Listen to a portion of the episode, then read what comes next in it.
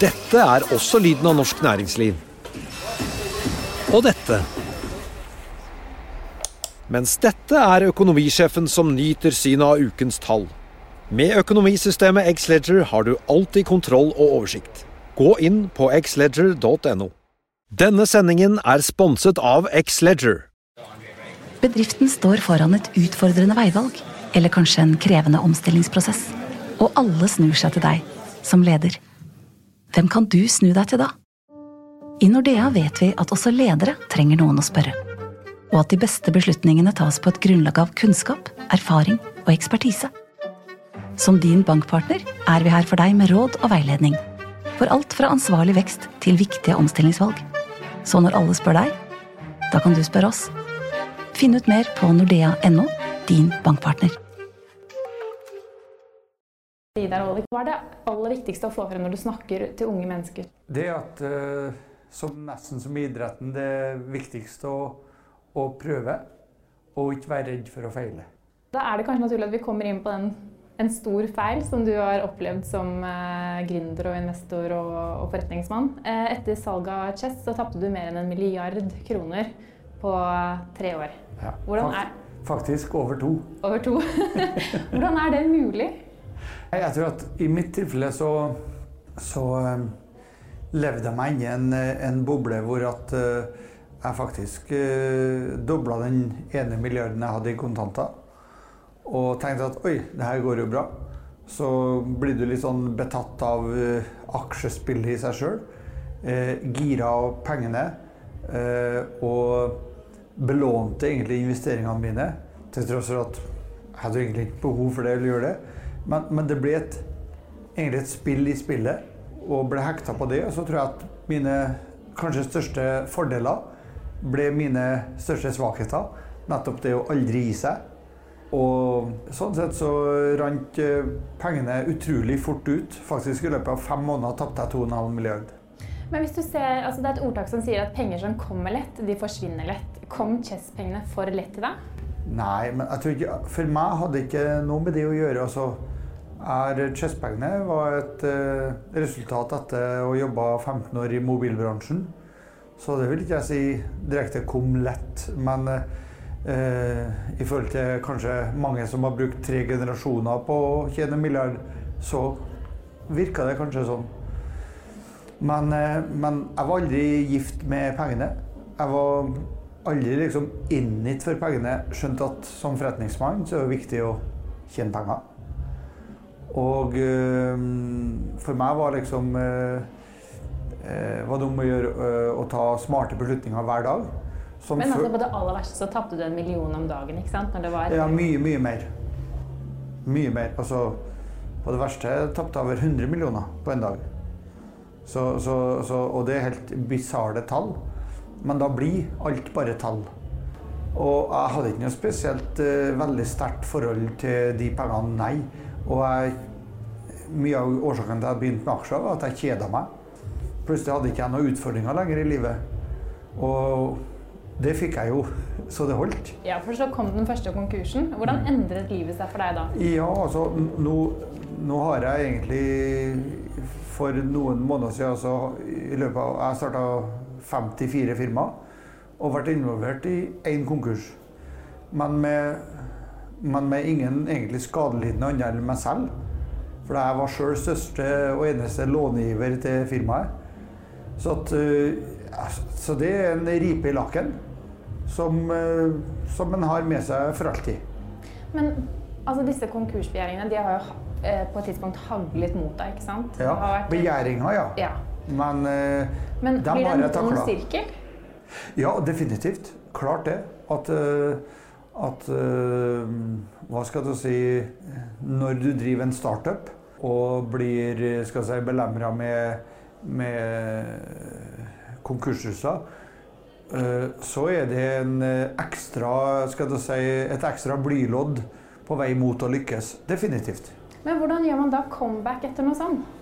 Ja, da tror jeg at du, du krummer ryggen, og du, du, mister jo ikke erfaringene dine.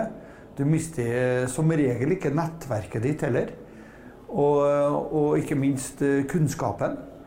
Så at for mitt vedkommende så er det å bygge firma det det eneste jeg kan. Og, og jeg våkner opp om morgenen hver dag og ser opp og frem, og det er min beste anbefaling til også andre. Men med konkursbegjæringer og én konkurs bak deg, eh, har det vært vanskeligere å opprettholde tilliten til investorene du jobber med? Finansiering, banker? Selvfølgelig. Altså, i min situasjon så kan du skjøte en lang pil etter å få noe banklån. og, og, selvfølgelig så er det eh, Investorene de tenker det ene Han var dum som tapte 2,5 milliard. Eller andre tenker at uh, han er sulten. Han har gjort det flere ganger før. Jeg har solgt to milliardbedrifter før. Han uh, gjør det kanskje igjen. Så det er, det er både positivt og negativt. Men når du hører at folk kaller deg kjeltring eller løgnhals, hva tenker du da? Vel, det er heldigvis svært få som har kalt meg, og det har ikke jeg vært heller. Men eh, det forstår for deres ord. De, de, som uttaler seg sånn, har eh, verken tatt penger på meg eller kjenner meg. Men, eh, men de eh, har kanskje ut ifra lest om konkursbegjæringa fått en sånn oppfattelse. Det er opp til dem. Så hva er det som motiverer forretningsmann Idar Vollvik til å gi gass og fortsette? Du er supermotivert eh, hver dag av å skape ny suksess sammen med fantastiske kollegaer og alle dem som har tro på meg. Og fokusere kun på det. Men har du blitt mer økonomisk bevisst i dagligdags liv? Så når du er i matbutikken, tenker du over hva en eh, liter melk koster, en eplejus? Nei. Det, jeg går eh, og handler på lavpriskjedene, og der er det jo billig. Hva koster en liter melk, da? Ja, 10-11 kroner. um, hva med materiell luksus? Så er det klart at det har jeg begrensa. Vi eh, Mesteparten sånt er solgt unna, og, og eh, det forekom når, etter neste suksess. Ja, for når du gikk på det aller beste, så kjørte du rundt i sånne fete sportsbiler. Var det en mm. Königsegg som ja, var ganske Flere. Flere. Hva slags bil kjører du nå? Eh, nå har jeg en eh, varebil, eh, Peugeot. Helt grei. Kan du forklare litt for de som ikke har innsikt i liksom, hverdagslivet til Idar Aalik? Hvordan ser en vanlig dag ut i livet ditt? Står opp grytidlig. Kjører barn til skolen. Drar så på jobb og, og begynner å svare på mail. Og har møter til langt på kveld. Chess ble solgt, Ludo gikk konkurs. Hva gjør du nå? Ja, i mellomtida så starta jeg Ja-banken og solgte det for 1,8 milliarder også. Eh, eh, nå driver jeg en app som heter Gedit, så all fokus er der. Har du, tenker du noen gang på at disse appene kan gjøre deg til en milliardær igjen? Selvfølgelig. Det er en eh, naturlig drivkraft. Så er det målet? Ja, altså Jeg må sitere en uh, fotballprofessor fra Trondheim som sa at uh, for meg så er veien målet. Men det er jo veldig stor variasjon hvis vi ser på prosjektene du har hatt da siden Chess. er det veldig stor variasjon. Har du solgt din siste parkdress? Du, skal du lage flere mobileventyr i Thailand? Altså, hva kan vi vente oss i fremtiden? Uh, uh, produserer vi konstant. Og den biten går nå ganske bra. Den jobber mest min kone med. Jeg liker en variert eh, meny og buffé og kommer til å fortsette med det. Mens mitt hovedfokus, det er viktig å ha liksom et hovedfokus, det er nå på Gedit. Kan de, bli, kan de gjøre deg rik igjen? Ja, definitivt. Hvis vi oppsummerer de årene som har vært uh, siden Chess, da, er du kvitt all gammel moro? Nei, definitivt ikke. Men uh, vi nærmer oss. Har du noe, satt deg noen, noe milepæl over når du skal nå Nei, men det er egentlig så raskt som mulig, vil jeg si. Og så er, er, det noe som jeg våkner opp eh, og lever med hver dag. Eh, naturlig nok. Er, er, det terapi for deg å snakke om de tingene som har gått galt? Nei, det vil ikke jeg si. Men uh, heldigvis så er ikke alle bare interessert i det. Og det, og det er også en, et, For meg jeg har selvironi, og eh, jeg mener at det er en del av det å lykkes, også og, og av og til feile. Jeg tror faktisk vi nærmer oss slutten. Det siste spørsmålet jeg har på blokken er Har du klart å gjemme unna noe av de spennende eiendommene, bilene, luksusen fra du sist gang var milliardær? Nei, dessverre så har ikke jeg noe under puta. Men eh, som sagt, det viktigste jeg har, det er meg sjøl. Kunnskapen, pågangsmotet, eh, energien. Og et fantastisk eh, kobbel med mennesker rundt meg hver dag. Som eh, egentlig min jobb, det å ta det beste ut av dem. Og sammen skal det bli suksess. Denne sendingen er sponset av X-Leger. When you need mealtime inspiration, it's worth shopping Kroger, where you'll find over 30,000 mouthwatering choices that excite your inner foodie. And no matter what tasty choice you make, you'll enjoy our everyday low prices, plus extra ways to save, like digital coupons worth over $600 each week. You can also save up to $1 off per gallon at the pump with fuel points. More savings and more inspiring flavors make shopping Kroger worth it every time. Kroger, fresh for everyone. Fuel restrictions apply. ACAST powers the world's best podcasts. Here's a show that we recommend.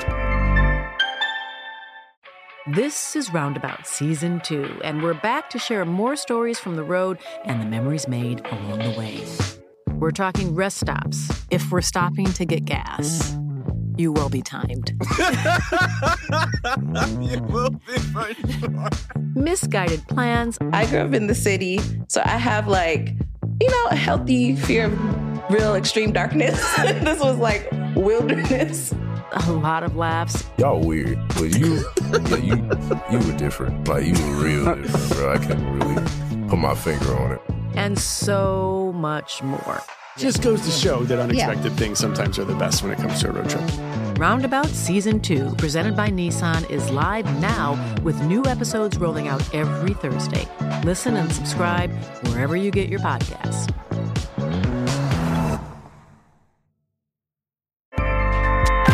ACAST helps creators launch, grow, and monetize their podcasts everywhere. ACAST.com. Økonominyhetene er en podkast fra Finansavisen. Programledere er Marius Lorentzen, Stein Ove Haugen og Benedikte Storm Bamvik. Produsenter er Lars Brenden Skram og Bashar Johar. Og ansvarlig redaktør er Trygve Hegnar.